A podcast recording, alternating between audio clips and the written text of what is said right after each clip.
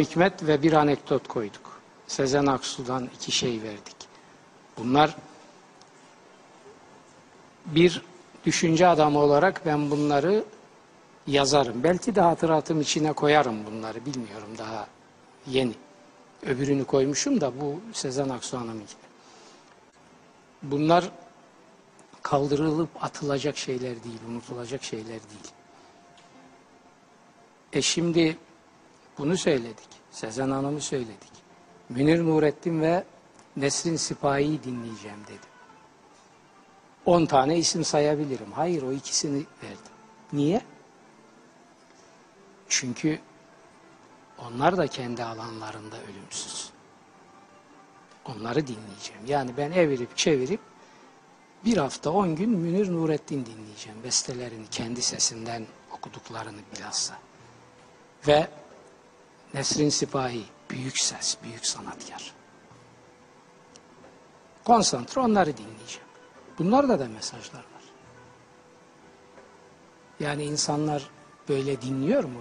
Müzik dinliyor mu bu şekilde? Böyle şiir okuyor mu? Şimdi ben mesela otururum, kendime böyle zaman ayırırım. 10 gün Cahit Külebi okurum.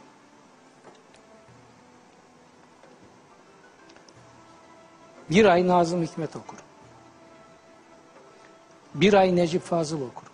Benim sizde sevdiğim şey hocam, yani sevdiğim şey derken e, okuyorsunuz ve unutmuyorsunuz. O da çok güzel bir şey. Ya unutmak değil. Şimdi ben Necip Fazıl dedim, Cahit Külebi dedim, Nazım Hikmet dedim. Bunların büyük ölçüde şiirlerini ezbere bilen bir insanım. ben. İşte tam unutmuyorsunuz Ama diyorum ya. hayır gene okuyorum. Gene kendime zaman ayırıyorum. Diyorum ki ben bir ay şunu okuyacağım. Fazıl Hüsnü Dağlarca okuyacağım. Ha öyle ayırıyorsunuz Evet. onları. Anladım. Çok güzel. Müzikte de öyle. Şimdi ben ne dedim? Kitabı matbaaya verdim. Kendimi ödüllendireceğim. Ne ödüllendireceğim kendimi? Gidip Münir elbise Nurettin'e. alacak halim yok. Zaten dolaplarda yer yok. Ne yapacağım? Müzikle ödüllendireceğim. Seçtim. Münir Nurettin Selçuk, Nesrin Sipahi. Fiziğinizi değil ruhunuzu besleyeceksiniz yani.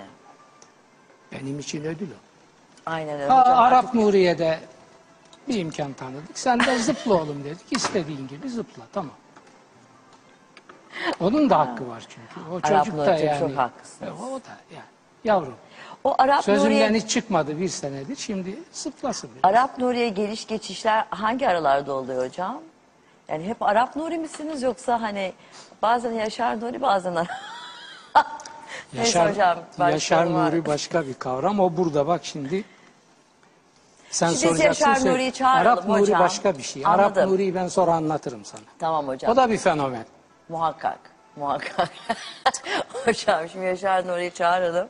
Siz çağırın kendinizi tekrardan. Hadi yavrum Arap sen çekil bak. Ha, Kıyamet Evet. suresine Şimdi Yaşar Nuri. başlayalım. Peki. Tamam hocam. Rahman ve Rahim Allah'ın adıyla. Hayır öyle değil. Kıyamet gününe yemin ederim ki öyle değil. Kendisini ısrarla kınayan benliğe de yemin ederim.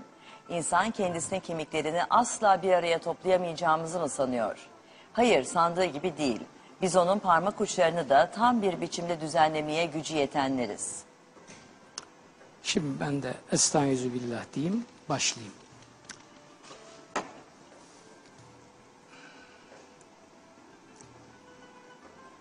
Burada Cenab-ı Hak yemini doğrudan yemin ediyorum tabirini kullanarak fiil kullanmış. Uksimu kasem. Yemin ifade eden harfler vardır Arapçada.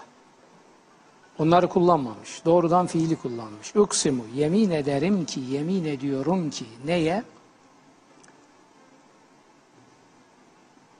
Kendisini ısrarla kınayan benliğe, nefs-i levvameye. Kendisini öz eleştiriye tabi tutan benliğe yemin ediyor. Dikkat ediyor musun? Ey ahali, ey bizi dinleyenler, Ey hayat nimetinin hakkını vermek gibi bir niyeti olanlar. Buraya çok dikkat edin. Cenab-ı Hak burada yemin harfi değil. Bu da önemlidir. yemin ifade eden fiili bizzat kullanarak. Diyor ki ben kendini öz eleştiriye tabi tutan benliğe yemin ederim. İnsan da dememiştir. Nefs demiştir. Bu benlik kişi olabilir, toplum olabilir, medeniyet olabilir, küresel çapta da olabilir yani. Çünkü Kur'an-ı Kerim benlik dediği zaman küresel benlikleri de anlar. Yani bir, bir medeniyetin de bir benliği vardır. O halde insan da kendini öz eleştiriye tabi tutacak. Birey, toplum da tabi tutacak. Medeniyetler de öz eleştiriye tabi tutacaklar kendileri. Öz eleştiri yoksa tekamül yok. Öz eleştiri yoksa insanlık çizgisinde ilerleme yok. Ve göreceğiz ileride, daha doğrusu burada şifresi verilmiş. Levmedecek. Levm benliğin kendine yönelik öz eleştirisidir. Hocam şu öz eleştiriyi birazcık daha açar mısınız? Yani Açıyorum. Heh. Kendini eleştirmeyenin başkasını eleştirme hakkı olamaz Kur'an'a göre. Kendini eleştirmeyip başkasını eleştiren kendinin tarifini vermiş olur. O tarif nedir? Namussuzluktur onun karşılığı. Kendini eleştirmeden başkasını eleştiren namussuzdur. Ve namussuz adamın dini, imanı, kitabı hiçbir değeri olamaz. Bitmiştir orada. Namus olmayan adama din emanet edilir. iman emanet edilir. O bakımdan insan evvela kendini eleştirecek. Ben Cenab-ı Hakk'a şükürler ediyorum. Ben kendini çok eleştiren bir adam. herkes Ben kendini bakın hocam namazlarımdan sonra bende artık tabiat haline gelmiştir.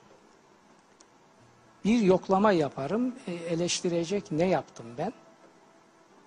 Ve eleştiririm ve o eleştirinin icap ettirdiği duaları tekrar yaparım. Hocam şimdi öz eleştiri yapmak, yapabilmek ve öz eleştiri yapabilecek yürekte olmak çok önemli bir şey. Fakat ben çoğu insanın böyle olmadığı kanaatindeyim. Yani çoğu insan Gayet- dediğim çok az insan bu şekilde. Tabii. daha işin bel- belki başka yönüne gidiyorlar. Başka da herkes kendini bir şekilde kayırmayı seviyor ya da kayırabiliyor. Öz eleştirinin pek yapıldığını zannetmiyorum. Onun zaten nasıl yapılması gerektiğini size şu anda sormak istiyorum. Sonuçta bu biz burada hepimiz emanetçiyiz aslında.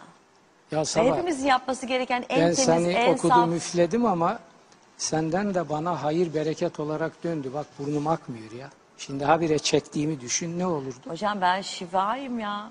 Şöyle Neyse güzel. yürüyen şifayım. Demek ki Nereden sana nereye? sana verdiğimiz e, şifa desteği neyse e, makbuldü ki geri dönüşü. Geri dönüşü oldu. Çok şükür hocam. Hayrını görün inşallah. Bana iyilik yaparsanız iyilik bulursunuz. Şüphem yok.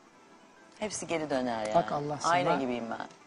Milyonların önünde kitabını okumak ve açıklanmasına imkan verme şansı ver. Şans ver. Çok doğru. Çok şükür. Kalbin çok temiz olmasa bu olmaz. Sağ olun hocam. Estağfurullah. Temiz tutmaya çalışıyorum. Evet efendim. E şey hani o öz eleştiriyi nasıl yapmaları gerektiğine dair size şey yapacağım ama Maun suresi diyeceksiniz değil mi? Yok, sade o değil. Değerler belli Sabahcı. Bir defa insanlığın ortak değerleri var. Ahlakın ortak değerleri var. Kant'ın kategorik imperatifler veya imperatif kategoriler dediği. Her yerde yani kendin için istemediğini komşun için de isteme. Bunun Müslümanı, Hristiyan olsu busu yok. Bu evrensel bir değer. Bir defa bu değerlere göre kendinizi eleştireceksiniz. Ben kendim için istediğimi başkaları için de istiyor muyum? Kendim için istemediğimi başkaları için de istemiyor muyum?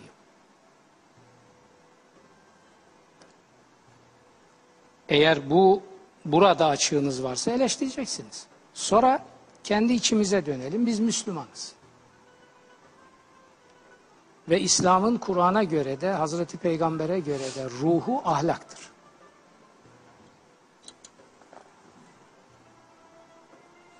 Ahlaksız din yerine dinsiz ahlakı Kur'an tercih eder. Siz bunu bilir misiniz?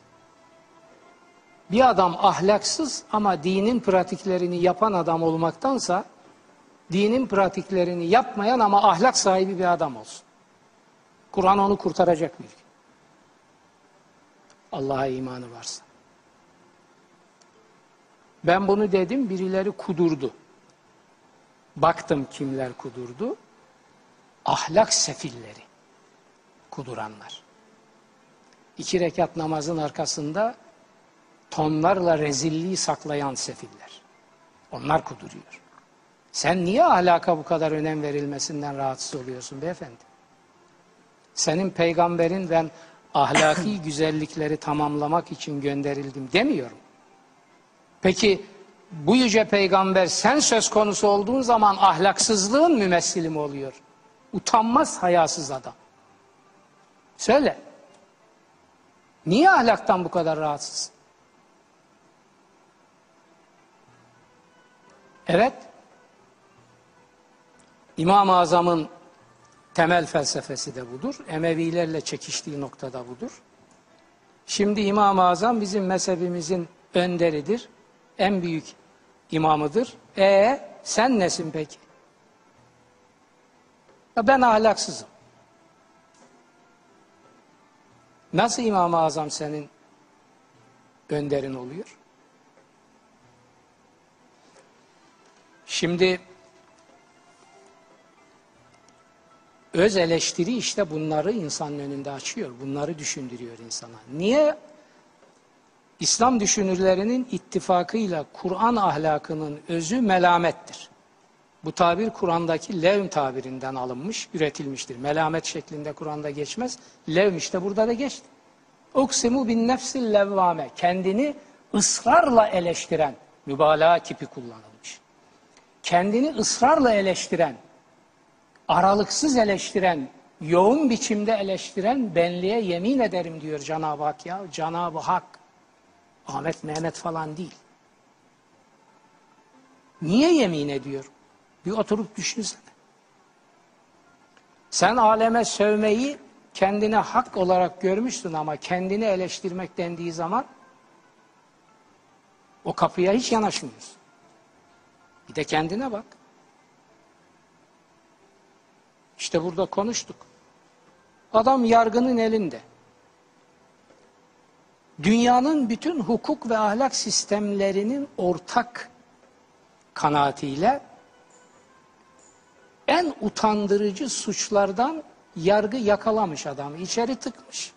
Yargılıyor. Dedikodu falan Ahmet dedi, Mehmet dedi böyle bir şey yok. Yargı almış, tutuklamış ve yargılıyor. Neden? Dünyanın en yüz kısartıcı suçlarından bir tanesi uluslararası kadın ticareti. Ve bu adam ve bu adam bakın şimdi işte Kur'an Kur'an okuyoruz burada. Ve bu adam bütün bunlar ortada dururken hala oradan onun bunun imanı, ahireti, dini, cenneti, cehennemi hakkında Cebrail edasıyla fetvalar veriyor. Allah'ım sana sığınırım.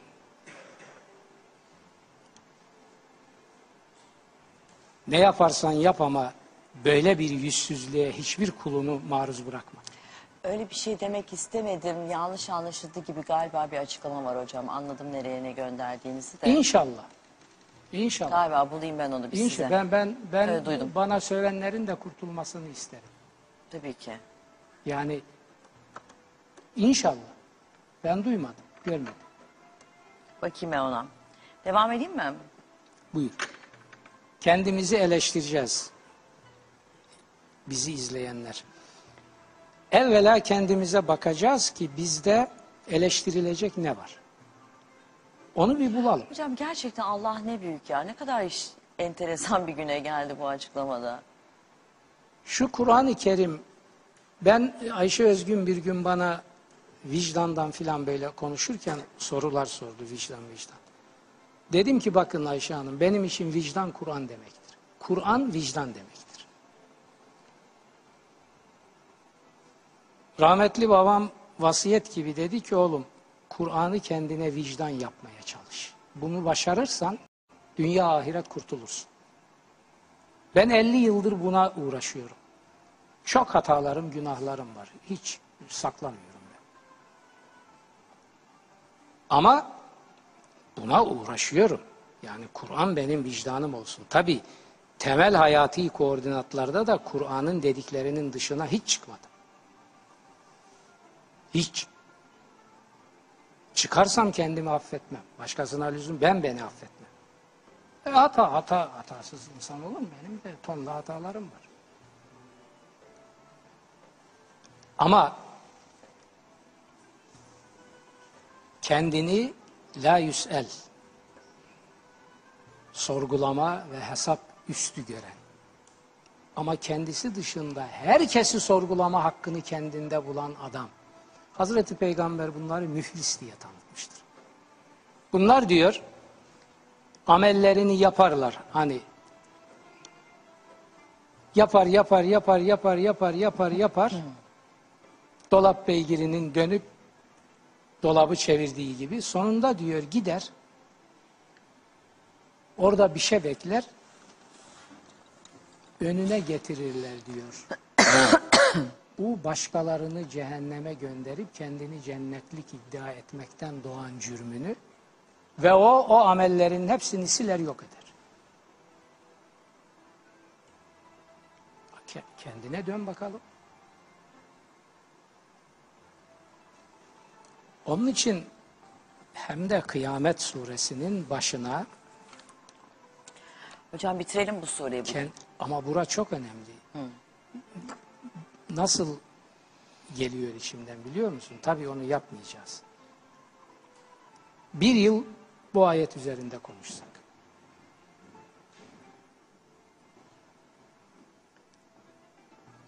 Demek ki kendimizi eleştireceğiz. İbadetin esası da budur. Allah'a yakınlığın esası da budur, dinin ruhu da budur, kemalin esası da budur, tekamülün esası da budur. Başkalarına bir şeyler söyleme, başkalarını aydınlatma hakkının esası da budur. Kendini eleştirmeyen adam başkalarını aydınlatmaya nasıl soyunur? Kimsin sen ya? Önce evinin önünü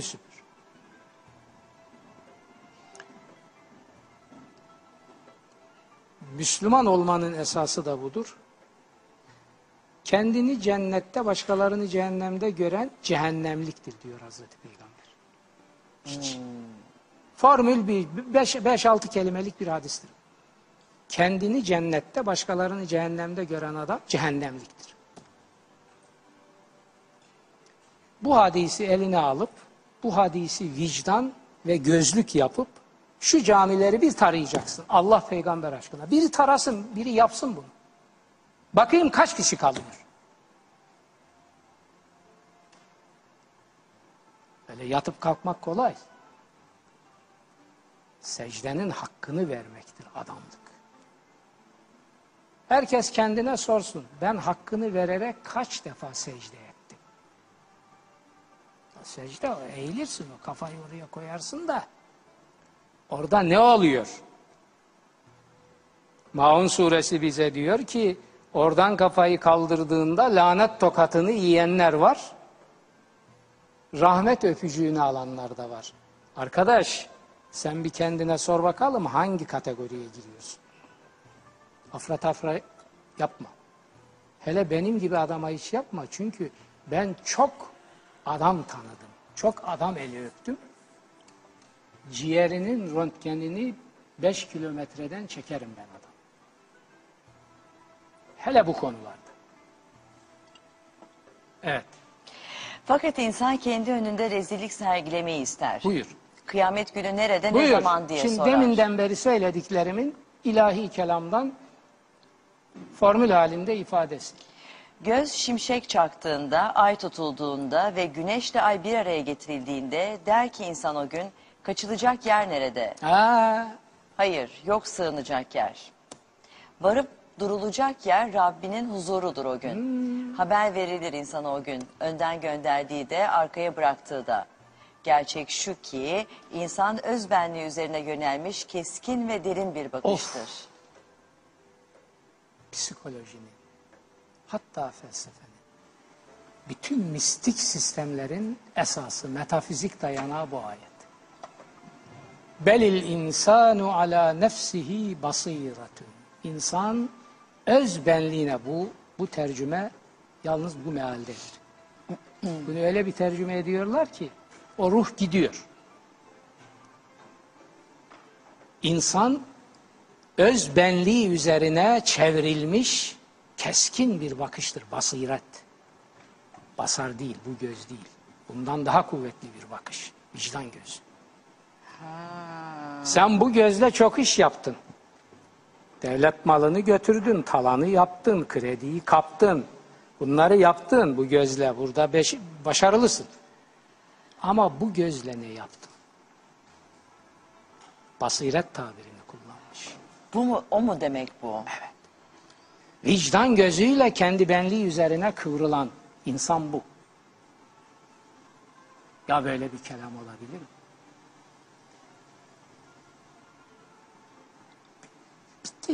Bitti. Bu kadar. Bana Kur'an'dan yalnız bu kadarı bile eğer niyetin varsa adam olmak için yeter. Şuna bakar mısınız ya? Yukarıdaki kendi nefsini, benliğini eleştirmekten bahsetti. Melametin ruhunu koydu. Arkadan insan öz benliği üzerine kıvrılmış keskin bir bakıştır. İnsan başkalarının ayıplarını arayan keskin bir şeytan gözüdür demiyor Kur'an.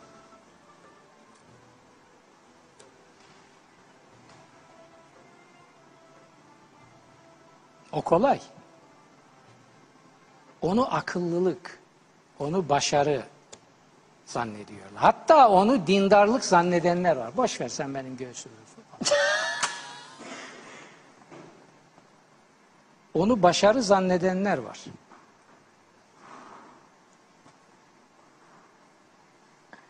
Ne oldu göğsün mü açıldı? Göğsünüz değil hocam siz önem veriyorsunuz yakanız şey oldu. İsteyerek yaptıysanız Tamam bilemem de efendim. yani. Tamam efendim. Tamam. Biraz da çekin alttan. Tamam efendim. Pek olmadı neyse şimdi reklam düzeltiriz. Şimdi Devam ben kravat takmadığım zaman buradan iki düğme açacağım. Yoksa kendimi askerde görevli sayıyorum. Düğme açamazsın Açın hocam komuta. zaten burada gömleğe kravat takılmaz. Takılmaz tabii yani. Gayet tabii. Takılsa takardım. Onun için bırak açık dursun. Ya. Hocam anlamadım. Karışık kalsın. Ay benim için öyle... Ay siz önem veriyorsunuz diye ben şey ya. Peki, tamam. Oo hocam hiç olmadı bir dakika. Yanaşmayayım da size pek. Yok yok bir şey yok. Bak kesti bitti.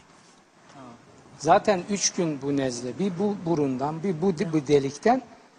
Ee, bir günde böyle karışık üç gün sürüyor. Şimdi ikinci günü bitiriyoruz. E ben de bir günde benden hocam. Geçti bitti. Devam ediyorum. Seni ben ara sıra okuyayım üfleyeyim. Çünkü dönüşü oluyor. Evet söylüyorum. Aa, Onu anladım. dilimde tüy bitti. ne, nerede kaldık ya? Evet. Dökse de ortaya tüm maz... O, o 14. ayetten tekrar alayım hocam. Gerçek şu ki insan özbenliği üzerine yönelmiş keskin ve derin bir bakıştır. bakıştır. Dökse de ortaya tüm mazeretlerini. Ha, O ne- mazeretlerini dökersin ama vicdan gözüyle baktığın zaman içinden bir ses sana der ki yok oğlum öyle değil. Kendini aldatma. Evet. İnsanın kötülüğü iyilik zannetmesi için evvela vicdanını katletmesi lazım. Fıtratını kirletmesi lazım. Hocam kısa bir reklam arası verelim. Ver. Ondan sonra devam edelim.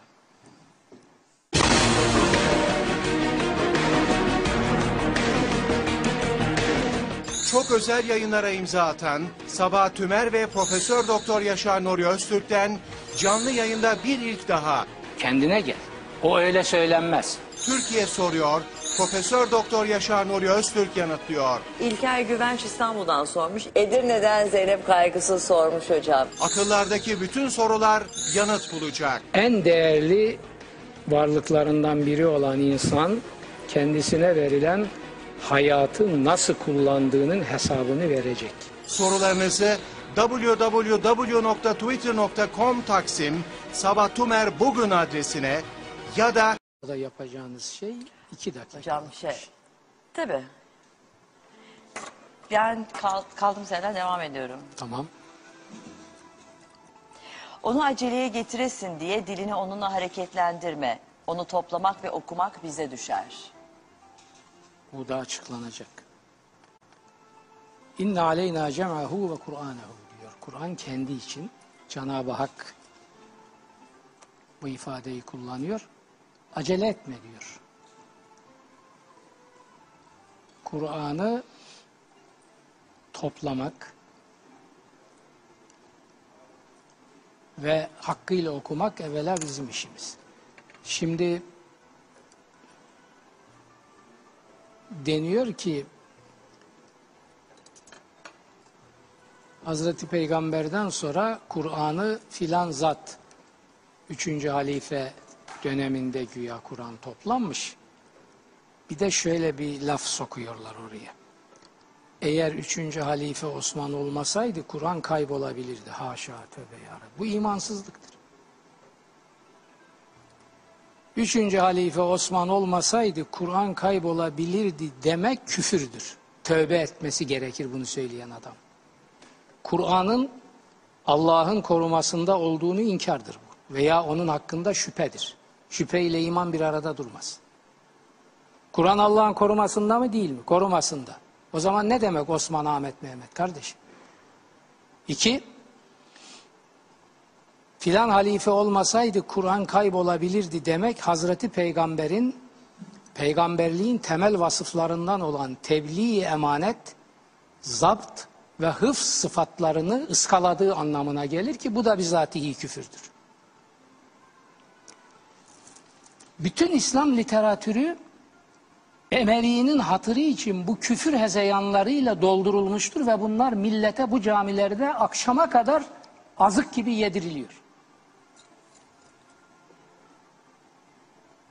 Bunlarla uğraşan yok. Kimin bıyığı eksik, kimin sakalı eksik, kimin elbisesi şöyle, kimin pantolonu böyle onlarla uğraşıyorlar. Kur'an-ı Kerim Hazreti Peygamber tarafından Cenab-ı Hakk'ın vahyettiği şekliyle zapt edilmiş ve Cebrail'in denetiminde ömrünün son yılında iki defa mukabele edilerek karşılıklı ayetlerin yerleri yeniden gözden geçirilerek son şekline kavuşturulmuş ve insanlığa Hazreti Peygamber bu emaneti bırakarak bu dünyadan ayrılmıştır. Aksi olsaydı peygamberliğini yerine getirmemiş olurdu. Ne demek Halife Osman olmasaydı Kur'an kaybolabilirdi? Hay seni! Ya sen ne yapıyorsun kardeşim? Kim sana belletti bunu? Bunu nasıl tekrar edip duruyorsun? Sen bunun üzerinde biraz düşünsene. Peygamberliğin vasıflarını, niteliklerini okusana. Şu ayetleri okusana. Bunları okutmadılar millete. Cenab-ı Hak Hazreti Peygamber'e bile benim denetimimde bu toplama ve okuma işini yapacaksın diyor. Yani Hazreti Peygamber yaptı bunu demek bile yetmiyor. Cenab-ı Hakk'ın denetiminde yaptı demek lazım. Ne Osman'ı, ne Ali'si, ne Ahmet'i, ne Mehmet'i ya. Zırvalayıp durma. Oradan Emevi'ye pay çıkarıyor. Sen Halife Osman'ı öveceksen başka türlü öv. Git Devam bul övülecek bir şeylerini öv. Ama sen Kur'an'ı inkar manasına gelecek şeylerle bir adamı nasıl översin ya? Hazreti Peygamber'in görevini yapmadığı anlamına gelecek şeylerle birini nasıl översin? Bu nedir sizde bu? Bu Arap Emevi hastalığı bu nasıl bir tutkudur bu ya? Bu Kur'an'ı, Allah'ı, Peygamberi hepsini sollayıp geçiyor.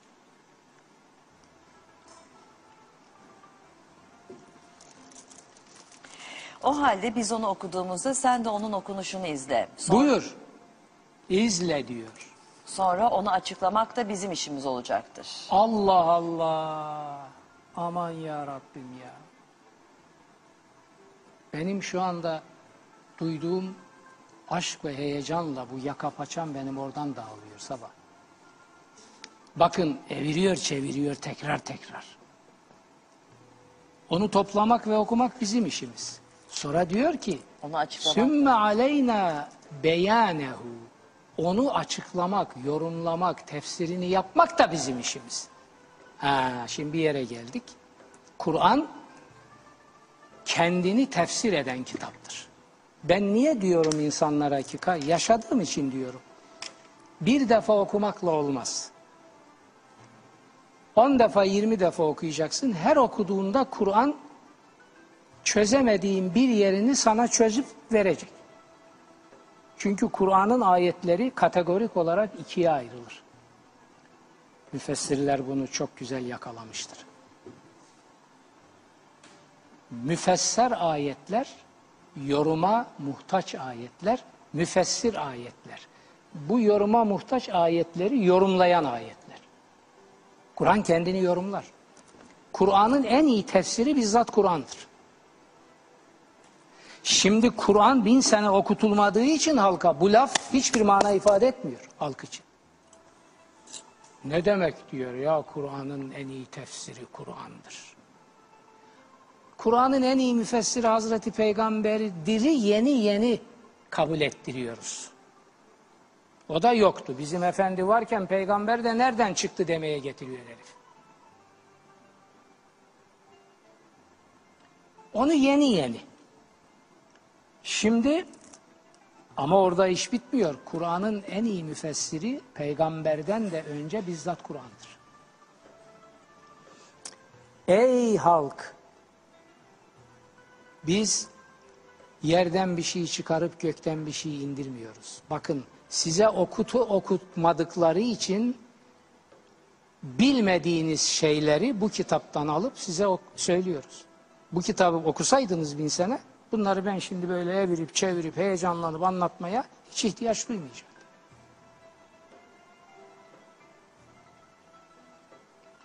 Şimdi ben bu programdan çıkıyoruz sabahcığım. Daha arabaya oturuyorum. Telefon çalmaya başlıyor. Ve devam ediyor. O gün, ertesi gün, ertesi gün. En çok söylenen ne biliyor musun? Şunu ilk defa biz duyduk. Şaşacak bir şey yok. Biz burada Kur'an'ı anlattığımıza göre her seferinde ilk defa duyacağınız çok şey olacak. Tabii. Çünkü bin sene okutmadılar size.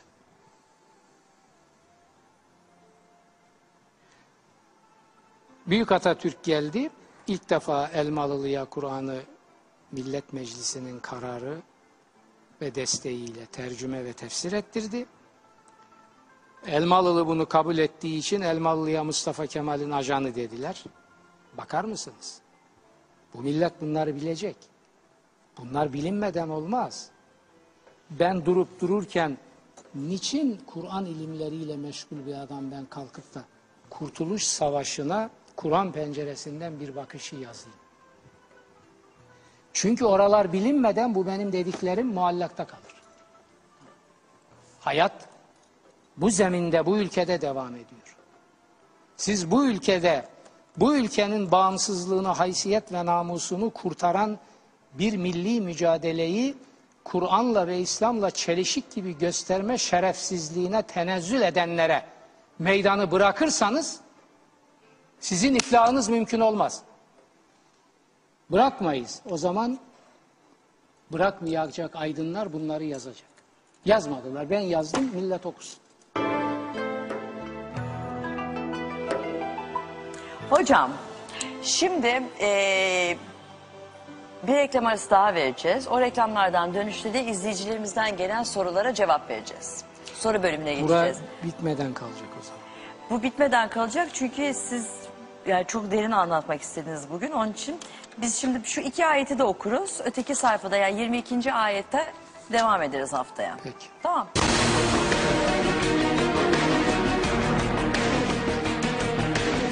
Çok özel yayınlara imza atan Sabah Tümer ve Profesör Doktor Yaşar Nuri Öztürk'ten canlı yayında bir ilk daha Kendine gel. O öyle söylenmez. Türkiye soruyor, Profesör Doktor Yaşar Nuri Öztürk yanıtlıyor. İlker Güvenç İstanbul'dan sormuş. Edirne'den Zeynep Kaygısız sormuş hocam. Akıllardaki bütün sorular yanıt bulacak. En değerli varlıklarından biri olan insan kendisine verilen hayatı nasıl kullandığının hesabını verecek. Sorularınızı www.twitter.com Taksim Sabah Tümer Bugün adresine ya da 0212 289 8605 0212 289 8408 numaralı telefonlara iletin. Profesör Yaşar Nuri Öztürk yanıtlasın. Allah'ın koyduğu kurallar ıskalamaz. Profesör Doktor Yaşar Nuri Öztürk ve Sabah Tümer'le ilklerin yaşanacağı çok özel canlı yayın. Dakikalar sonra Sabah Tümer'le bugün de. Evet hocam. Hocam şimdi bu sayfayı bitirelim. Tamam mı? Son iki ayet kaldı çünkü bu sayfadaki. Haftaya da kıyamet suresine devam edelim. Bu çünkü gerçekten dediğiniz gibi... hani 22'de kalmış olacağız. Bir yıl konuşulacak. Aynen eee, çok önemli bir ayet, eee, sure. Hayır hayır size hemencecik siz hemencecik geleni seversiniz ve sonradan geleceği terk edersiniz. Evet insan hemen gelsin de ne gelirse gelsin. Yani daima bugünkü yumurtayı gelecek tavuğa tercih etmiştir. Zaten atasözü değil mi bizde? Bugünün yumurtası yarının tavuğundan iyidir. Nereden bu hükme varıyorsun? Bu Kur'an'a onaylatamazsınız bunu. Çünkü Kur'an velel ahiretü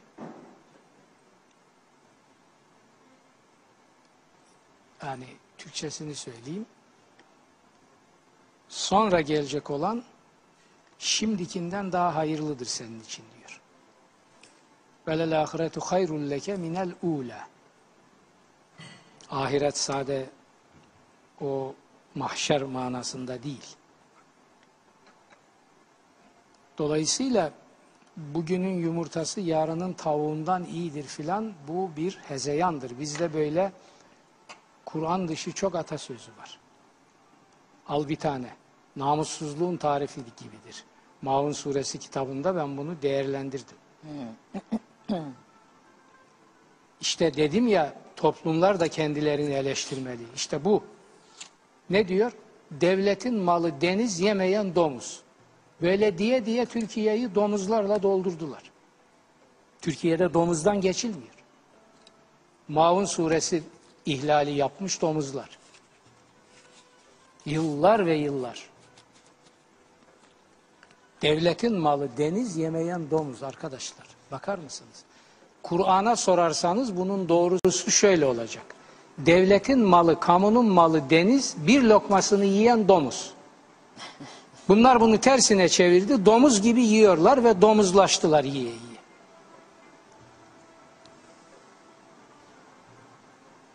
Şimdi bu domuzlardan iki tas çorba kalmıyor. Milyonlarca insan karnını doyurmak için çırpınıyor.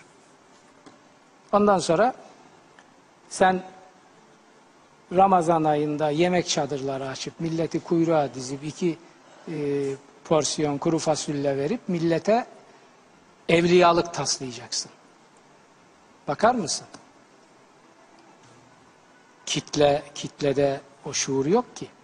Ya kardeşim sen bana bu yal çadırlarında iki porsiyon yemek verme. Benim gasp ettiğim haklarımı ver. Türkiye'de milli gelirin yüzde doksanını nüfusun yüzde beşi paylaşıyor. Böyle bir zulüm var mı? Sen gel bunu düzeltelim. Onu demiyor. Diyor ki kulaklarımla dinliyorum. Komurumu veriyor. E ara sıra yiyecek de veriyor. Ara sıra yardım para yardımı da yapıyor. Daha ne isteyeceğim? Bitti. Yalını yedi, suyunu içti, yerinde oturuyor. Gelen ağam, giden paşam. Böyle. Hocam geçelim soru cevaba. Peki bir iki çivi çaktım gene usulüne göre. Peki geç bakalım. Var mı başka kaldı mı çiviniz? Çivi, çivi ben kalmasına lüzum yok. Ben çivi habire imal ederim. İmal ediyor. Evet. Farkındayım onun hocam. O da Allah'ın bize bir lütfu. Hava Güne İstanbul'dan sormuş. Der ki günümüzde aslında kıyameti yaşıyoruz. Sözü ne demek? Her gün kıyamet vardır. Kitaplarımı okuyanlar bunu görürler orada. Her gün bir önceki dünyanın oluşun kıyametidir. Şimdi şu elektriği çok biz acayip burada... bir laf değil mi? Evet tabii çok felsefi ama gerçek. Şimdi şu ışığı biz ne görüyoruz? Devamlı yanıyor görüyoruz değil mi? Bilimsel bir şey. Bu ışık saniyede bilmem kaç bin defa sönüp yanıyor. Fakat bu o kadar süratli ki bizim Evet. gözümüz onu fark etmiyor. Evrende de böyledir. Cenab-ı Hak mahvun ve ispatın sa- sahibidir. Kur'an bunu söylüyor. Yemhullahu ma yeşâ'u ve yüzbit. Bu mahvu ispat her şey ölüyor, oluyor. Ölüyor, oluyor. Ölüyor, oluyor. Fakat bu o kadar süratli ki biz varlığı etmiyor. sabit, yerinde duran bir kütle olarak algılıyoruz. Öyle değil. Şimdi atom. Atom. Bir toplu iğnenin başında bilmem ne kadar olan atom. Atomlarda nasıl bir hareket var biliyor musun? Bir toplu iğnenin başında kaç bin galaksinin akıl almaz hareketi var. Görüyor muyuz biz?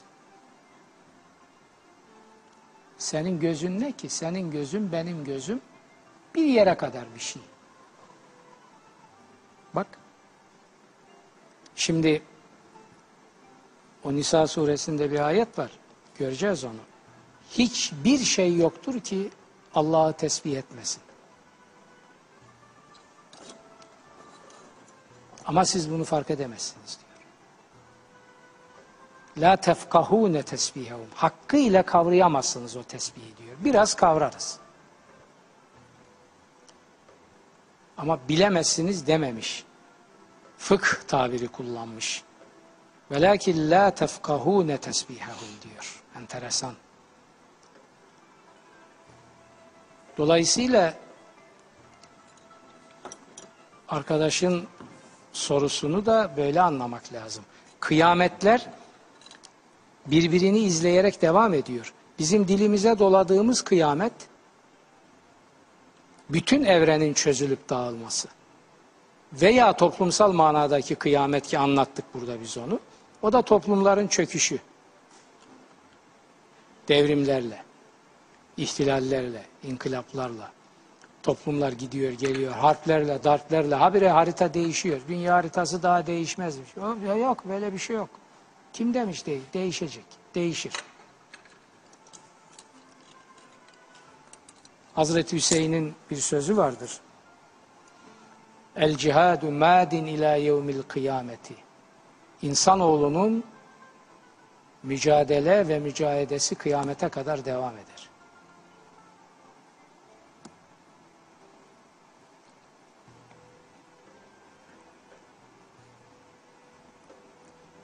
Dünya haritası değişmez diyor emperyalizm. Batı. Bunu medeniyetçilik olarak yutturuyor dünyaya. Sonra değişmez dediği haritaları iyi sömürdüğü sürece bu sloganı yaşatıyor. Ama ne zaman ki o haritalardan bir tanesi pürüz çıkarıyor, sömürtmüyor kendini. İşte bir Kaddafi çıkıyor diyor ki ben dolarla değil euro ile alışveriş yapacağım. Altın kullanacağım. Petrolümün karşılığında altın istiyorum diyor. Hakkı adam. Ha, sen mi öyle dersin biz seni kaza geçirelim de gör işte. Haritayı değiştiriyor. Suriye. Sıra öbürlerde öyle devam edip gidecek. İran, Türkiye esas hedef onlar zaten. Demek ki sömürdüğü sürece harita değişmiyor. Değiştirmiyor haritayı. Niye değiştirsin? Bal kaymak geliyor. Sömürüye bir problem çıkaranlar oldu mu haritayı değiştiriyor Hocam buradan yola çıkarak kıyametle ilgili sormuştu deminki izleyicimiz. Şu e, geçenlerde konuşmuştuk. Konuştuk. Evet. 21 Aralık tarihine hani Maya takvimine göre. Onunla ilgili söylemek istediğiniz bir şey var mı yine? Onu merak edenler varmış çünkü. Ya Nasrettin ya sabah Nasrettin Hoca'ya demişler ki kıyamet ne zaman? Demiş ki küçüğünü mü soruyorsun büyüğünü mü? Hocam ikisini de söyle demişler. Bak demiş küçük kıyamet ben öldüğüm zaman kopar. Büyük kıyamette hanım öldüğü zaman kopar. Veya bunun tersini söylemiş. Ama nereden bakarsan bir Nasrettin Hoca klasiği. Evet. Şimdi ben kendi kıyametlerimle uğraşırken ya maya kıyameti ya ne ne bu ya ne bileyim Hocam hiç ama ben var işte öyle yani geyik mi E, diyeyim tam- öyle rivayetler var daha doğrusu iddialar var. Ee, NASA'nın yapmış olduğu işte bütün Twitter'da falan ama Twitter'da demişim yani mesajlar e, geçiyor maillerde falan. Ee, okuyayım mı onu bulursam okurum Yok şimdi canım, şey yaparken. Birkaç tane uyarı var işte karanlık olacakmış da hiçbir cihaz çalışmayacakmış da işte bilmem ne kadar karanlıkta kalacakmışız falan filan gibi şeyler var yani. e olsun görelim ne Uyarılar yapalım var. ya. Bakalım ne olacak mı? Tabii herkes için olan demiş davul zurna ile gelsin demiş ya yani ne yapacaksın? Ya bir enerji değişiminin olacağı iddia ediliyor. Onun için de bir- birçok şey dünyada hızlandı ya kötülükler daha çok ortaya çıkıyor, iyilikler daha çok ortaya çıkıyor. O enerji değişiminin olacağına ben de kaniyim. İşte. Ben Maya takviminden değil Kur'an'dan giderek onu buluyorum. Ha, e, Kitaplarıma da şey aksettirdim büyük söylemiyorsunuz ölçüde. ya. Türkiye'de de olacak. Türkiye o değişimlerin en hızlılarına sahne olacak ülkelerden biridir. O olacak. Kur'an'dan yola çıkarak böyle bir şeyi nasıl söylüyorsunuz? Yani e, ne demek istiyorsunuz? Şimdi bakın. İnsanoğlunun kullandığı kredilerin hesabını verme sürecini başlatmıştır Kur'an. Ve insanoğlu hala koparabildiği kadar kredi kullanmak istiyor. Cenab-ı Hak da. Cenab-ı Hak Ha. da diyor ki kullandığın kredilerin hesabını ver. Ben cömertim ama benim cömertliğim hesap sormama anlamında değildir. Krediyi bol veririm. Fakat hesabı soracağım. Şu tabire bakar mısınız? Bu Enbiya suresinin ilk ayeti. İktarabe linnâsi hisabuhum ve hum fî gafletin mu'ridun. İnsanların hesap verme zamanları iyice yaklaştı. Fakat onlar hala gaflet içinde sırtlarını dönmüş gidiyorlar diyor.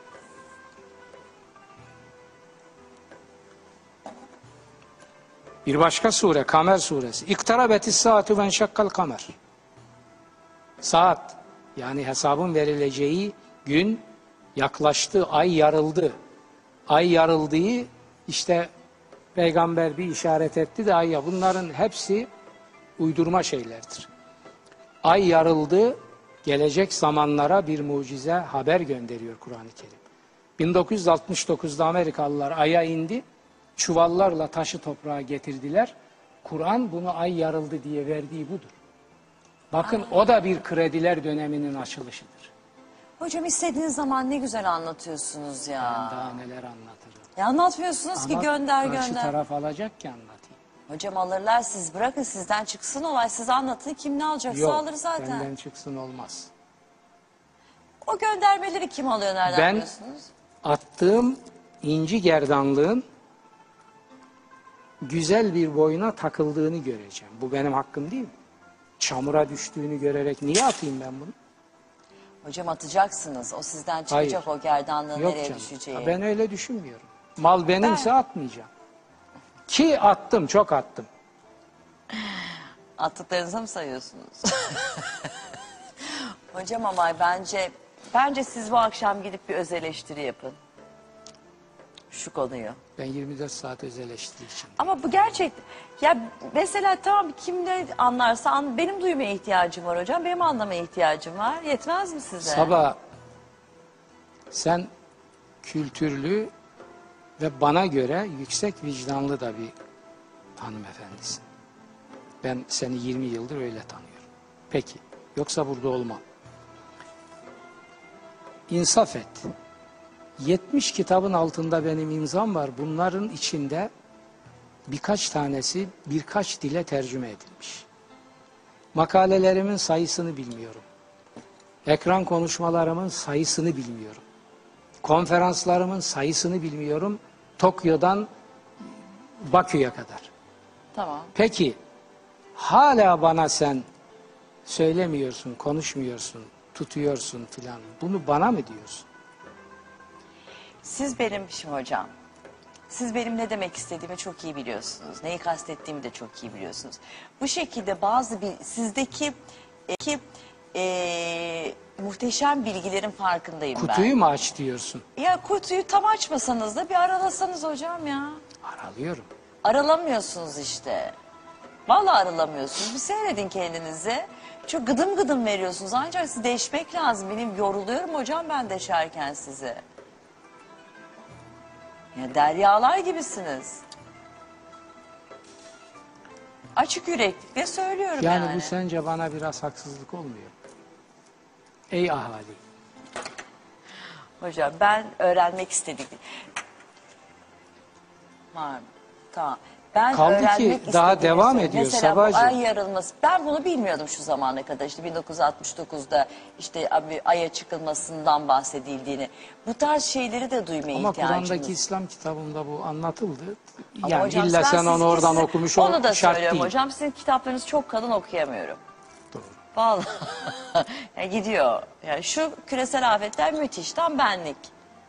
Ama ötekiler yani hani Yalnız bak bunu yapamam hocam yani. elimde Maun değil. suresini okudun biliyorum tamam. O Maun Şirk suresini kitabını okudum. okuyacaksın. Okuyacağım onu. Bir de Kurtuluş Savaşı'na Onu da okuyacağım. Kur'an penceresinden bir bakış. Bu ülkenin evlatları o kitabı okumazsa yazık.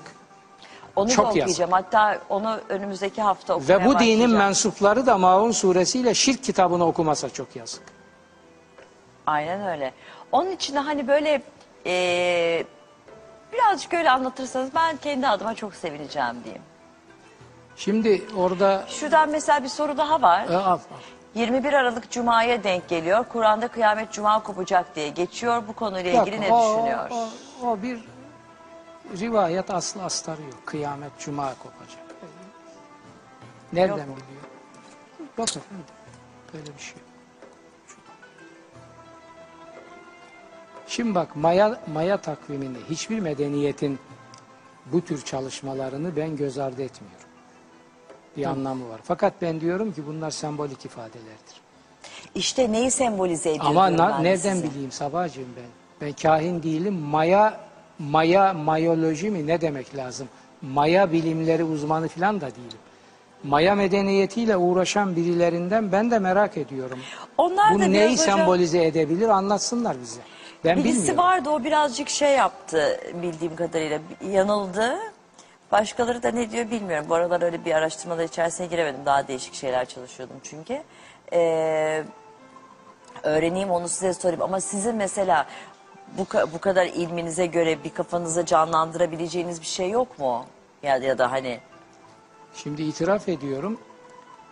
Maya e, medeniyetinin söylediklerini tam bilmiyorum. Bilsem benim eski öteki medeniyetlerle ilgili ve Kur'an'la ilgili bilgilerimle bir harmanlama yaparım.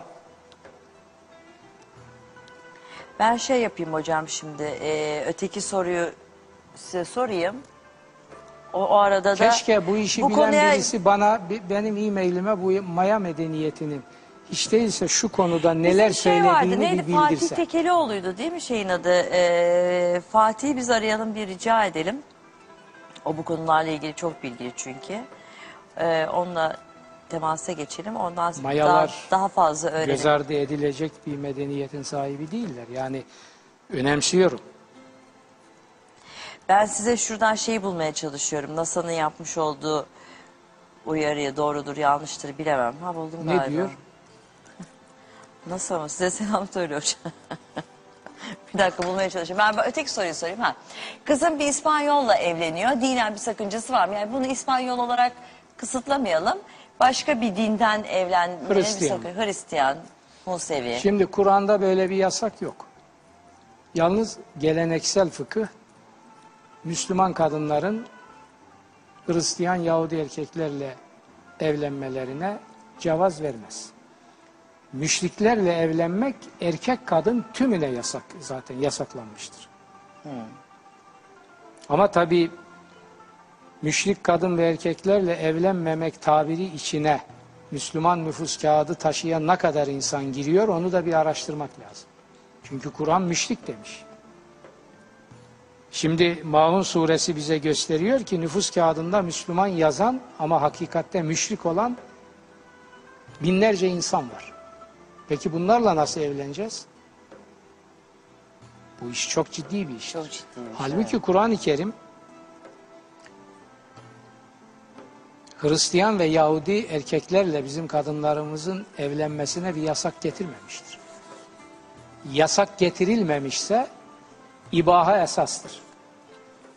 Ve dolayısıyla ben Kur'an-ı Kerim'in kadın erkek Hristiyan ve Yahudilerle evlenmesine izin verdiğini düşünüyorum ve bana sorulan sorulara da böyle cevap veriyorum. Tamam. Hocam ben buldum o yazıyı. Çok kısa bir şekilde o 21 Aralık'la Hüseyin Atay hocamızdan da böyle bunu talim ettik biz. Evet. Ya yazıyı buldum dediğim NASA'ya Temmuz ayında 2012'nin Temmuz'da bir bilgi ulaşmış. O da şöyle. Bilmiyorum tabii doğru mu değil mi ya bu internette dolaşan bir şey. Birisi şeyde yapmış olabilir onun için. Ee, NASA NASA'dan belirttiklerine göre yakında Dünya galaksinin sıfır hattından geçecektir. Sonbahar ve kış 2012-2013 Tibet'te ve tüm Kuzey Yarımküresi'ne sıcak olacaktır. Tüm Dünya galaksi sistemiyle birlikte galaksinin sıfır hattından geçme onu söyledik. Ee, oysa hiçbir enerjinin yayılamadığı, elektromanyetik alanların olmadığı ve tüm cisimlerin durgunluğa uğradığı bir ortam oluşacaktır. Tüm dünyada birkaç dakika Moskova saatiyle saat 10'da e, 21.12.2012'de tam karanlık çökecek, tam sessizlik olacak, ışık, elektrik, iletişim hepsi yok olacaktır. Bu karanlığın içinden uzaydan göklerde bir karmaşıklık gözlemlenecek. Birkaç gün sonra ışık patlamaları başlayacak. Bu da 3-4 gün sürecektir. Korkmaya ve kendini yıpratmaya gerek yok. Buna kendinizi hazırlayın diye sonra da devam ediyor işte yani. Artık. Ben hiç yadırgamıyorum. Hadi ya. Zaten oraya doğru gidiyor insanlık. Yani Hawking ne dedi? 20-20 yıl kadar önce. Bir dakika hocam devam edeyim. Hawking'de kaldınız. Sonra güneş ışığı yine gözükecektir. Dünya görülür olacak ve eski haline dönecektir. Hayvanlar uzay karanlığını önceden hissedeceklerdir ve deliklere çekileceklerdir. Şehirlerdeki insanlar hissedemeyecek. O yüzden kurban gidenler ve hak ve aklı hasara uğrayanlar olacaktır. Dünyanın yüzde onu o günlerde ölebilir. Oy. Bu, bu olaya hazır olunması gerekmektedir. Bunu NASA mı diyor? Ya ne bileyim ben NASA diyor diyor yani. Ama bilmiyorum. NASA, NASA'yla bir olabilir. telefon bağlantısı yapalım. Bunlar olabilir. Bilmiyorum hocam. Ha, pa- Hawking dediniz. Hawking 20 küsür yıldan beri söylüyor adam. Diyor ki bu gidişle yer küre yaşanır bir mekan olmaktan çıkacak. İnsanlık öbür eee, yani uzayda başka yerlerde kendine bir hayat kurmanın yollarını şimdiden arasın diyor. Yakında diyor sülfürik asit yağmurlarıyla yeryüzü cehenneme dönecek. Dediği bu Kur'an'ın mu ifadeleriyle acaba? uygun. Ben bunu yazdım. Hawking de bana göre orada da yazdım, çok yazdım söyledim. Kur'an'ın bahsettiği kıyametle ilgili uyarılar yapan Dabbetül Arz'dır dedim. O tariflere de uyuyor Hawking. Ve bunların hepsini tercüme edip İngilizcelerini Hawking'e de gönderdim. Eminim vermemişlerdir ona. O çünkü Tabii. o asistanlarının bir nevi tasallutu altında. Kimler neler gönderiyordur, Ha, size de neler evet, gönderiyorlar. Tabii. Her neyse. Yani bunlar olabilir. Hocam şey yapalım, biz bu konuyu birazcık inceleyelim, siz de inceleyin, ben de inceleyeyim. Ee, biraz Bu işi daha bilen bilgili- birini de çağır bir gün bir- birlikte konuşalım. Tamam haftaya daha geniş bir şekilde bunu işleyelim hocam, tamam. Ben de merak ediyorum. Bilen de kim onu da bilmiyorum. Herkes konuşuyor. Ya onu şeyden yukarıdan istihbarat filan veya Ben bulurum. neyse. Tamam. Ee, diğer soruya geçiyorum. Erbil Gülen Bursa'dan sormuş. Hocam cennette engelli insan olacak mı? Engeller düzelecek mi? Engelli insan olmayacak.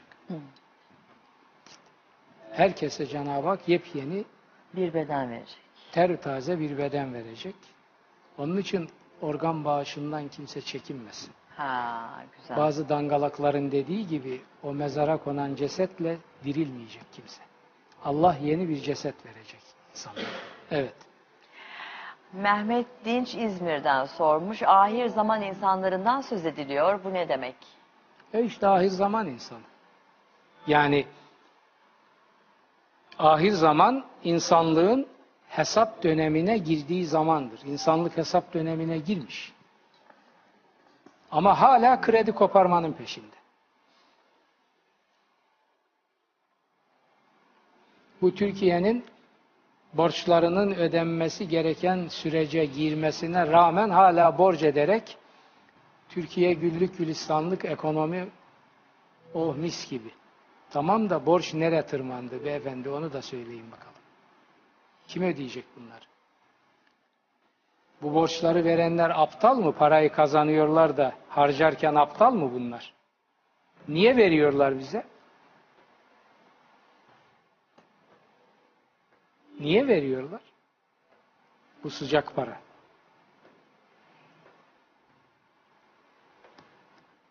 Türkiye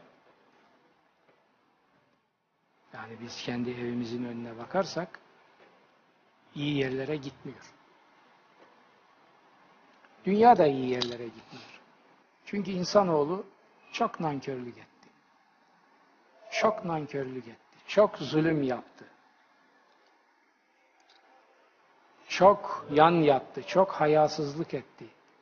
Allah'ın gayretine dokundu. Bunların hesabını soracak Cenab-ı Hak.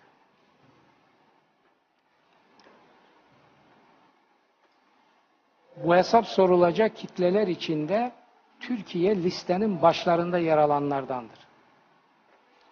Nankörlük sıralamasında Türkiye ilk ilk yerde, ilk yerlerdedir en azından. Belki ilk yerde.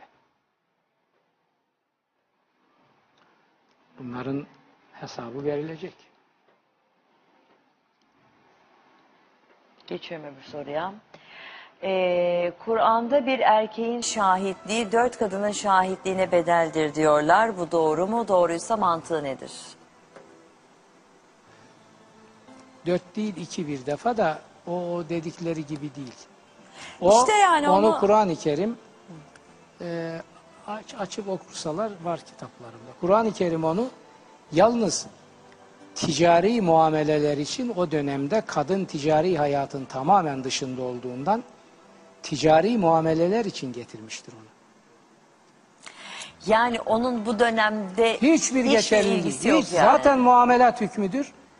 Yaşadığın zamana göre iştihatla onu olması gereken şekle getirirsin. Peygamberimiz mi demişti bunu? Hayır, Kur'an'da var. İşte ticari muameleler için. O da şöyle diyor. Eğer getirilen şahit kadınlar işi çözerlerse mesele yok. Bitti. Çözemezlerse iki kadın yerine bir erkek çağrılacak. Yani Ama o zamanın yani tabii kadın düşmanlığını din yok. yapanlar E tabii sarıklı zalimler tarih boyunca bunu ne yaptılar? Bunu aldılar.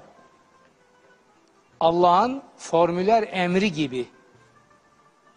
İki kadın, bir erkek. Yok böyle bir şey. Bugün hiçbir geçerliliği yok zaten. Evet. Neydi soru kala kaldı. Hocam şimdi e, öteki soruya geçmeden önce e, Tam sizlik bir soru olduğunu söyleyeyim. bir Müslüman çeşitli nedenlerden dolayı kaç kere evlenebilir? Ha, şimdi tesbihi ben onun için çıkardım zaten. Dört defa.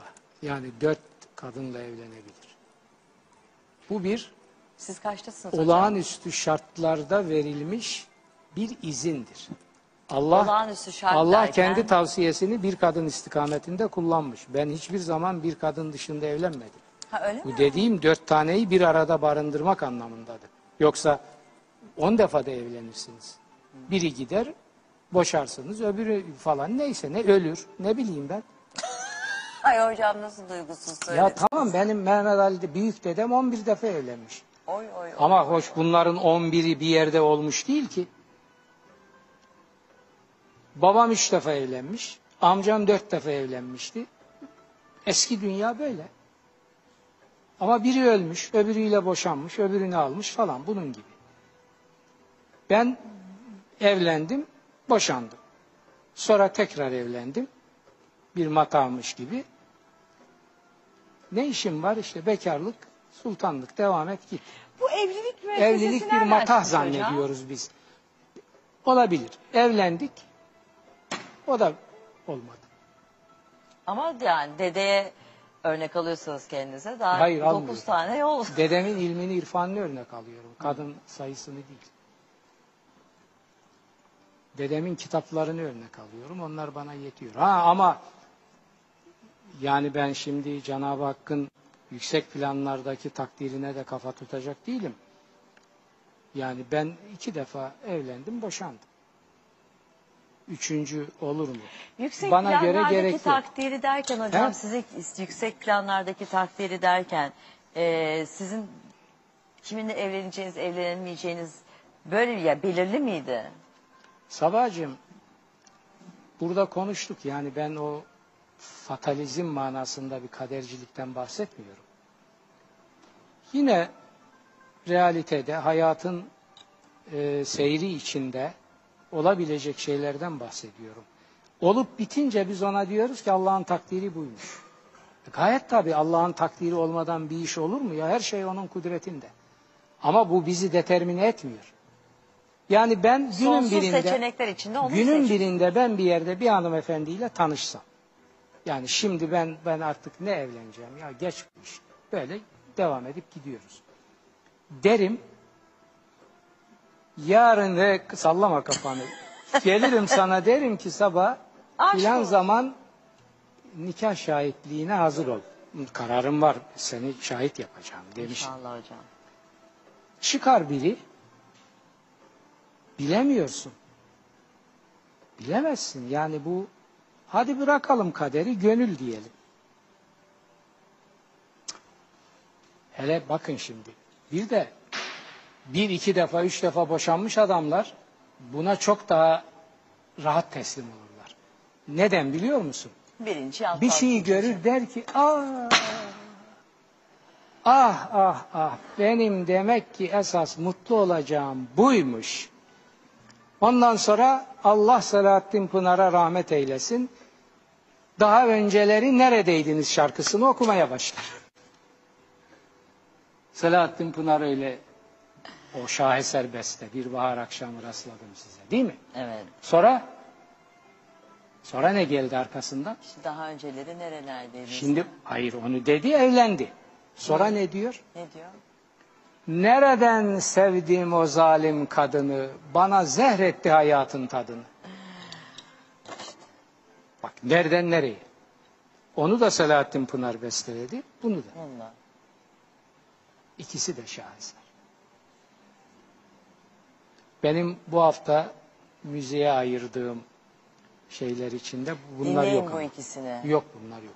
Niye hocam? E, yok ben yani bunları dinleyip de şimdi habire yara kaşımanın bir alemi yok. Ne işim var benim? Ben dün akşam başladım. Nurlar içinde yatsın, üstadlar üstadı Münir Nurettin Selçuk'un kendi sesinden o mahur bestesi. Cahit Sıtkı'nın şiirini bestelemiş biliyorsun o. Şaheser o. Of. Hangisi? Ne doğan güne hükmün geçer, ne halden anlayan bulunur. Bir gün onu okuruz burada. Oku. Tamam soruları cevaplayalım. Evet, geç. Oku- Okuruz hocam bir gün ne zaman Şimdi- istiyorsanız. Siz okursunuz yani. Yani demek ki arkadaşın sorusuna bağlayalım işi. Neyi? Ee, her şey bizim kararımızla Ha. olmuyor. Çünkü bizde de mesela insanda bugünkü psikoloji tespit etmiş. Eşik altı tembihler var. Biz bir şeyi özgür irademizle yaptığımızı zannediyoruz. Hiç de öyle değil. Hani Schopenhauer'ın meşhur sözü İngiliz filozofu. Diyelim ki istediğimizi yapmakta özgürüz. Tamam ama diyor acaba istediğimizi istemekte özgür müyüz? Of of of of. Schopenhauer. Şop bunu da anlatayım. Schopenhauer müthiş bir deha. Onun yaşadığı günlerde İngiltere'de çok ünlü bir aktris var. Çok güzel bir kadın. Ünlü. Schopenhauer'da Schopenhauer söylemeye gerek yok. Yalnız Schopenhauer çiçek bozuğu bir yüzü olduğu için kalbur gibi bir surat. Delik deşik. Bu aktris hanım biraz da böyle hoppa zıppa güzel de bir hanım. Geliyor bir gün üstada diyor ki üstadım düşündüm taşındım. Seninle biz evlenelim. Çocuk dünyaya gelsin. Çocuk da benim güzelliğimle senin dehan birleşir. Ne müthiş bir şey çıkar ortaya. Ha, diyor. Bak şimdi. Hanımefendi diyor. Ben böyle şeylerde düşünülenin tersi olacağından korkarım. Ya çocuk da benim güzelliğimle senin zekan birleşirse ne olacak? Oy oy oy oy oy.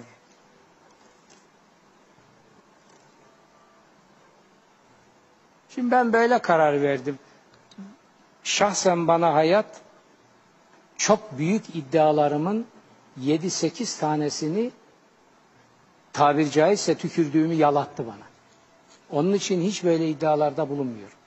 Ya ben böyle karar verdim tamam kardeşim bu iş. Yok öyle bir şey. Hayat ne güzel öğretiyor değil mi hocam? Hiç hukuk okumam diyordum ben. Ya hukuk ha, falan. Bir gün baktım ki ben İstanbul Hukuk Fakültesinde kitaplar kolumun altında gidip geliyorum. İşte Daha neler dedim olmaz diye hepsi oldu. sözlerin enerjisi var. Samsun'dan Tolga sormuş. Tolga 55. 16 yaşındayım. Sevgilimle el ele dolaşıyoruz. Günah işler miyim?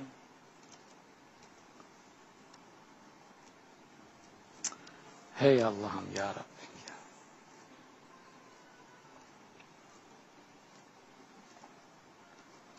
El ele tutmak diye bir günah yok. O kadar söyleyeyim. El ele tutmak diye bir günah yok. O kadar. Anladın mı Tolga demiş. El ele tutmak diye bir günah yok dedi hocamız. Abdülbaki Yılmaz Mardin'den sormuş. Abimin istediği kız için başlık parası istiyorlar. Bu kişiler günah, bu kişiler günah işlemiyor mu? Başlık parası İslam'ın kaldırdığı, yasakladığı bir şeydir. Başlık parasını kurbanlık koyun mu satıyorlar? Yok, İslamiyet kabul etmez.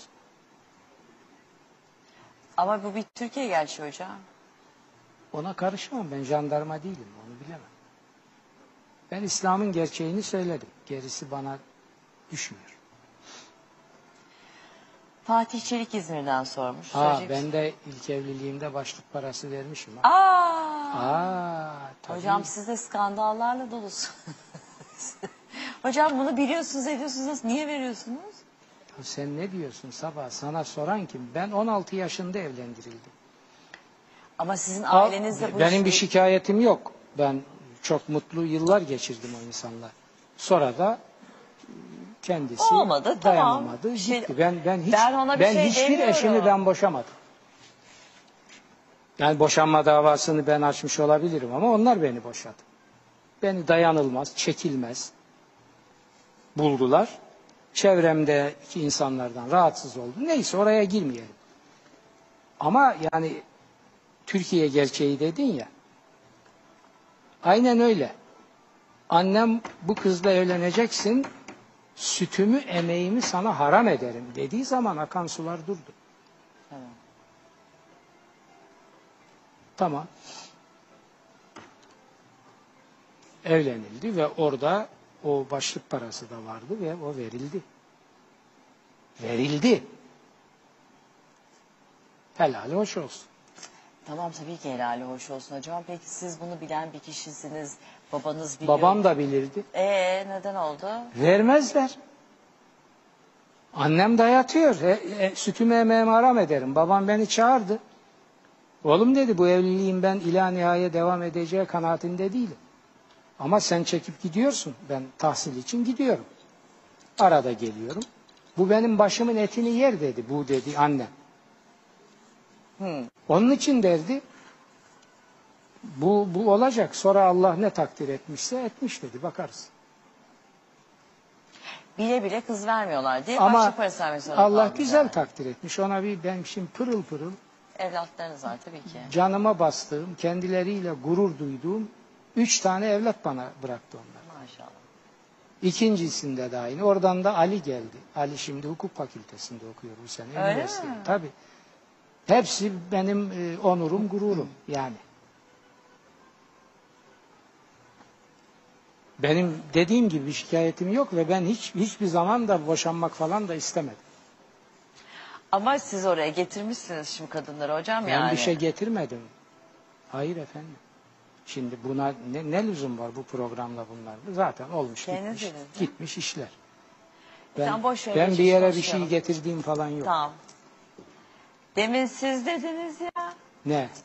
Çekilmez şey bu geçimsiz buluyorlardı beni diye ben bir şey demedim. Siz kendiniz söylediniz. O buluyor.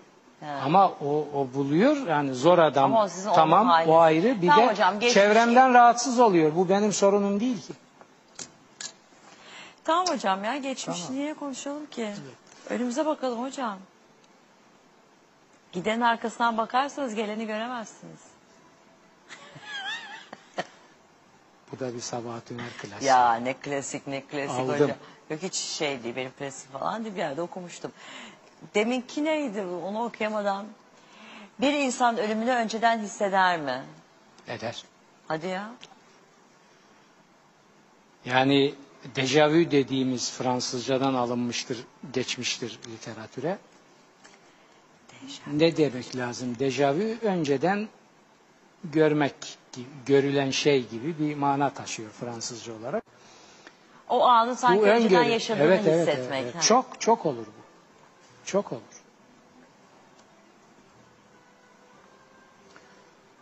Bende de bazı öngörüler oluşuyor. Ne dersin bilmiyorum. Ne gibi? Senin nikah şahitliği yapacağına ilişkin. Onu ama inşallah. İnşallah hocam Allah sizin mürvetinizi görmek isterim. Aynen öyle. Vallahi isterim ya o ana şahitlik etmek. Değil mi? Tabii ki. Geldik İnşallah. 30 yaşına artık mürüvvetimiz görülsün değil mi? Çok geciktik. Tabii canım yani. Ay sabah. Evet. Fatih Çelik İzmir'den sormuş. Dünyaya gelirken seçilmiş olarak yaratılan insanlar var mıdır? Vardır. E.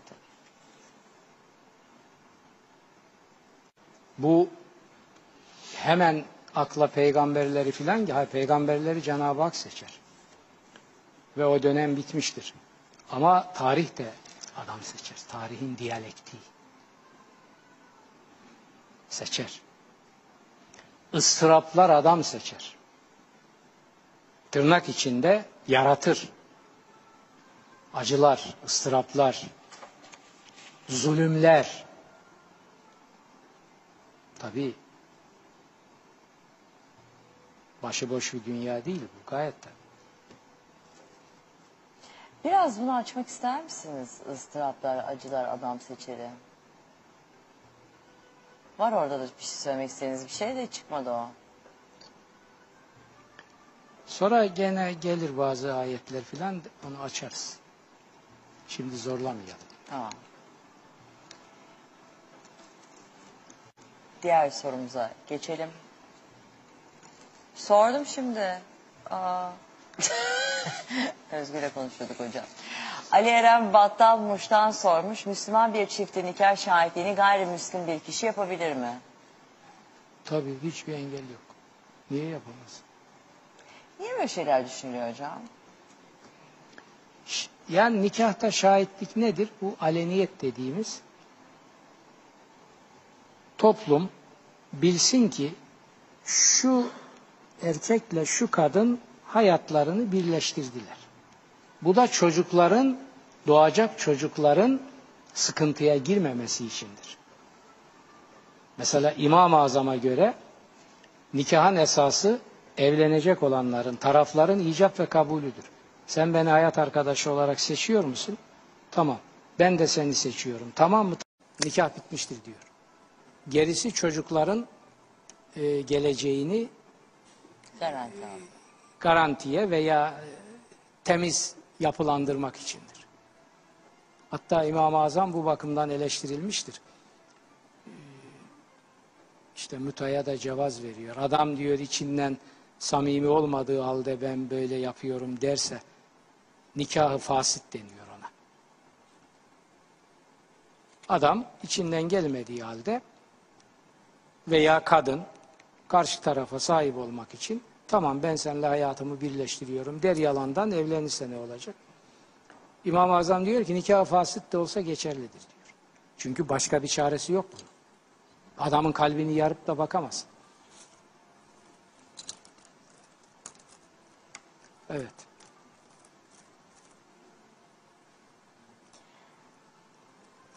Nilüfer Görece Ankara'dan sormuş. Maide suresinin 54. ayetinde Türklerden mi söz ediliyor? Türklerden, mülklerden Kur'an'da bahis yoktur. Öyle mi? Hayır. Kur'an milliyetlerden bahsetmez. Böyle bir şey yok. Ne- Araplardan bahseder çünkü Kur'an vahiy Arapların yaşadığı bir topluma indi. Araplar Kur'an vahyine karşı çıktı veya benimsedi. İster istemez onlardan bahsediyor. Hazreti Peygamber Arap asıllıdır. Veya o günkü şekliyle tabi Hazreti İbrahim dedesine gittiğin zaman Hazreti Peygamber'in Arap asıllı olduğunu söylemek de çok tutarlı bir iddia değildir. Ama bunlarla biz niye uğraşıyoruz? Kur'an bunlarla uğraşmaz. Kur'an insana ve eyleme bakar. Ama Kur'an ayetlerini e, kendi ırkının veya milletinin e, metiyesi gibi algılama bu eskiden beri olan bir hastalıktır. Bunu en çok Araplar yaptı. Halbuki Kur'an 11 yerde Arapları değerlendirmeye almıştır. 11'i de pejoratiftir. Çok ağır ithamlarla Arapları yerden yere çalmıştır. Hocam diğer soruyu okuyayım ben. Evet. Ben Şiiyim. Eşim Sünni. Evlendiğimiz gün bir de telefonda telefonla dini nikahımızı Şii imam kıydı. Telefonda nikah kıyılır mı? Vallahi ilk defa böyle bir soruyla karşılaşıyorum. Düşüneyim ya. İlk defa vallahi bak. Bir de bu Diyanet'ten e, Hocam, muttali tam olan arkadaşlar da bunu alsınlar geldi. da bir onlar da bir teemmül etsinler. Belki Diyanet'in daha önce verdiği fetvalar içinde bunlar var. Merak ediyorum ben de.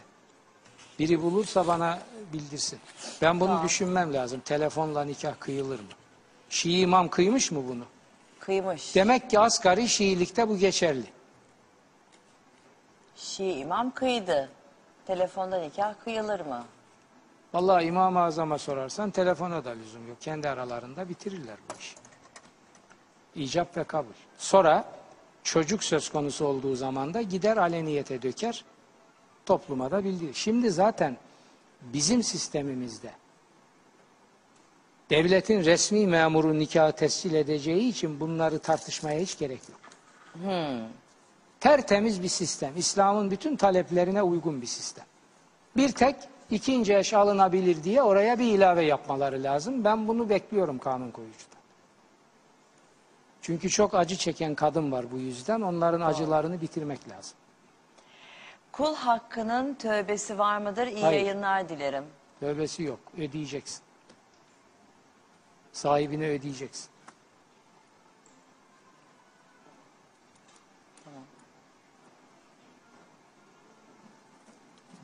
Next.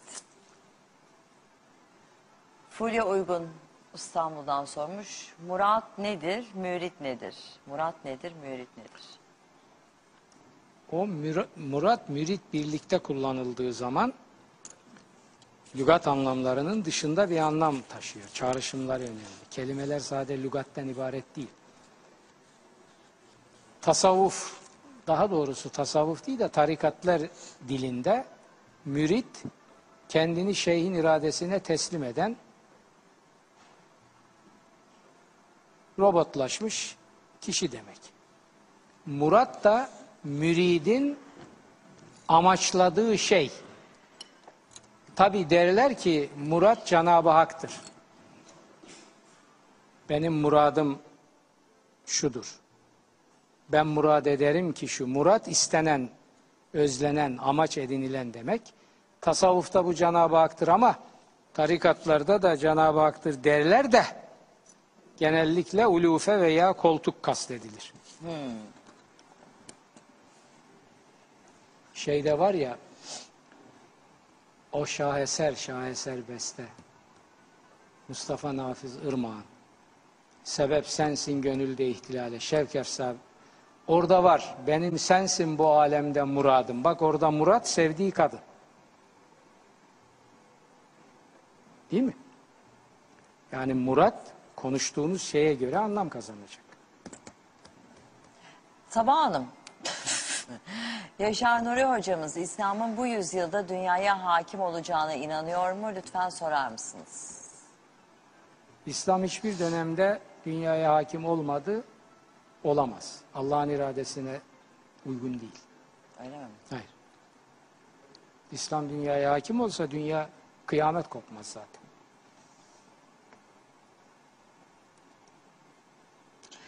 Ee, Necati Pigey sormuş.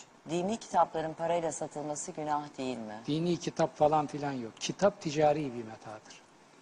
Dini bilgi parayla satılmaz. Dinisi minisi yok. Bilgi bilgi parayla satılmaz. Parayla satılan kitap. Şimdi beni Kitapta bilgi konuşturmasın. Yok mu? yani çaktırmadan gol atmaya kalkıyorsa topu kafasına geçiririm. Bakın Geçelim burada burada karton var. Kağıt var. Mürekkep var. Bir kitap yazan adam yazıp dosyayı verdikten sonra 18 kalem işlem görüyor ve malzeme kullanılarak bu hale geliyor. Onların parasını kim ödeyecek? Ben bilgimi verdim tamam. Dün benim kitaplarımın editörlüğünü de yapan sosyoloji doktoru oğlum Mustafa Tahir Öztürk. Matbaaya gidiyor. Kitap editör olarak artık bundan sonra onun çıkana kadar o meşgul olacak. Şimdi ben verdim bitti. Bundan sonra ne girecek devreye? Mizampaş. Biri yapacak onu başka biri. Matbaada şu kadar maaşla çalışan Hocam adam. belki size söylemedim. Bunun ark- ba- bu, bu çok soruluyor. Aklı sıra bir takım dangalaklar da bana oradan gol atmaya çalışıyorlar. Efendim sen böyle diyorsun da senin kitapların da parayla satılıyor. Lan benim kağıtçı babamın oğlu mu? Matbaacı babamın oğlu mu? Serseri. Ben ilmimi bezlediyorum burada. Hangi para bana ödeniyor burada? Bizim buralardan aldığımız paralar bizim masraflarımızı karşılamıyor. Ya senelerden beri. Ki çoğundan hiçbir kuruş alma- almamışızdır. Ama bu kitap bak burada. Burada bir 20 kalemlik malzeme var burada. Ve işçilik var. Bunları kim ödeyecek? Parayla satılır mı? Ne satılır mı parayla? Kağıt parayla satılır. Kağıt var bunda. Mürekkep parayla satılır. Mürekkep var bunda. Karton parayla satılır. Karton var bunda. Daha sayayım mı? Zaten her- Akılları sıra bunlar dünyanın çok zekisi. Oradan güya gol atıyor.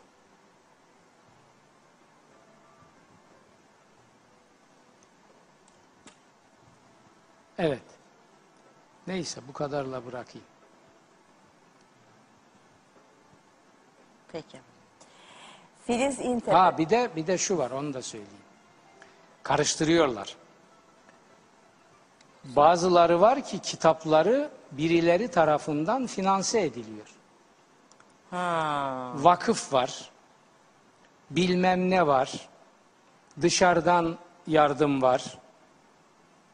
Mendili açıp yayıp tekkede camide toplanan paralar var. Bizim böyle bir şey yok. Benim kitabımın yayınlanması için bu kitabın vitrinde bir paraya satılması lazım. Yoksa ben bu kitabı bir daha yayınlayamam. Hocam çok öyle şeyler var artık uyanıklar var. Mesela az önce söylediniz ya sosyal sorumluluk projesi çerçevesinde mesela diyelim ki eee, ne, ne nasıl bir örnek? Mesela ben bir zilim tamam mı? Zil markasıyım şu an. Zil. Neyse diyorum ki işte sosyal sorumluluk yapacağım işte şöyle şöyle bir proje var işte size geliyorum siz Yaşar Nuri Öztürk'sünüz bir selebritiniz bunda yer alır mısınız? Tabii diyorsunuz siz çünkü sosyal sorumluluk projesi geliyorsunuz. Ondan sonra işte e, Ayşe geliyor meşhur Ayşe geliyor meşhur Fatma geliyor falan filan öyle selebritiler arasında ünlüler arasında böyle bir sosyal sorumluluk projesi yapılıyor. Ama pat diye arkadan sabah zilleri çıkıyor mesela. Ne, ne- nasıl uyanıklar İstis- ya? istismarın en İstismar hayasızlarından. Aynen, biri. olacak şey değil. Bu kadar basit bir şeyde bile, hayır işinde bile böyle bir yola gidebiliyorlar yani. Allah ile aldatılmayın niye diyor Kur'an? Niye bas bas bağırıyor Allah ile aldatılmayın? Şimdi adam bayramda topluyor, seyranda topluyor, kurbanda topluyor, deri topluyor, et topluyor, fitre topluyor, zekat topluyor, topluyor, çatlıyor, patlıyor, topluyor. Sonra çıkarıyor işte kendi putunun kitabını her neyse koyuyor vitrine. Benim kitabım da çıkıyor vitrine veya benim gibilerin. Benim vakfım yok. Destekçim yok. Hiçbir şey yok. Ben camide para toplamam, tekkede toplamam, kimseden toplamam, fitre almam, zekat almam, kurban derisi toplamam. Ben yazarım kitabımı, veririm yayın evine. Yayın evi de bunu yayınlar. Şimdi benim kitabımla onun putunun bu dediğim toplanan paralarla e, olmuş kitabı vitrine geldi mi benim kitaptan diyelim 3 lira ucuz. Bak, bak böyle olur mu? Allah rızası için bak biz kaça satıyoruz? Lan seni hayasız Maun suresi hırsızı. Seni şeyin şeyi beni konuşturma, senin ciğerini ben biliyorum. Senin putunu da biliyorum. Şimdi Bülent Arıncı akşama kadar bazen 20 defa dua ile anıyorum. O formülünü biliyorsun onun. Ay Allah ondan razı olsun. Şeyinin şeyini şey ettiğimin şeyi diye bir formül kullanmıştı ya mecliste. Ben o zaman meclisteydim. Hay nasıl rahatladık? Nasıl rahatladık? Şimdi şeyinin şeyini şey ettiğimin şeyi bu numaraları yapıyor. Sonra da diyor ki öyle der ama kendi kitabı da bak işte en pahalı onun kitapları falan. Şeyinin şeyini şey ettirme bana. Hocam Tamam, bir şey diyeceğim. Süre bitti. Tamam. Vallahi bitti. Tam ben de şey ettim bitti. Tam tam Güzel. şey Tevafuk. Hocam hemen söyleyelim izleyicilerimize 16 Kasım Cuma günü yani ha- ya, Bundan sonra bundan Cuma sonra günü. Cuma günleri saat 13'te 12.45'te yayında olacağız. Yani kendi günümüze geri döneceğiz hocam. Yani her gün Allah'ın günü. Her gün Allah'ın günü doğru söylüyorsunuz. Ama Hadi yani görüşürüz duyduk duymadık demesin kimse. Na, duydu, tabii ki duyacak, duymuşlardır yani. Zaten hisseder, hissederler hocam. Sen inanıyor musun? Bak şaka espri yapmıyorum. Hala daha 2-3 güne kadar bana hocam bu sene niye program yapmıyorsunuz? Cuma günleri sabah ile ne güzel. Ne kadar Ben, ben artık her şeye inanıyorum. Perşembeye geldiğinden haberi yok. Kaç ay oldu? Hocam kesecek yayın yönetim yayını. Olacak yani. Hadi görüşürüz.